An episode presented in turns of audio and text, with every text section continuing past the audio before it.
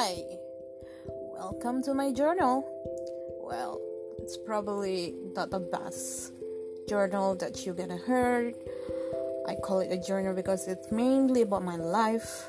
Sometimes I get this random thought thinking about things that I shouldn't be thinking right now.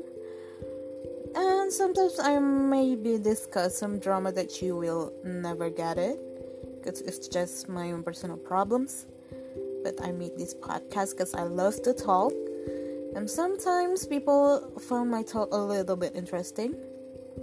But this journal is really about all my thoughts and all about my problems that I want to discuss with many people. And I hope you guys enjoy it.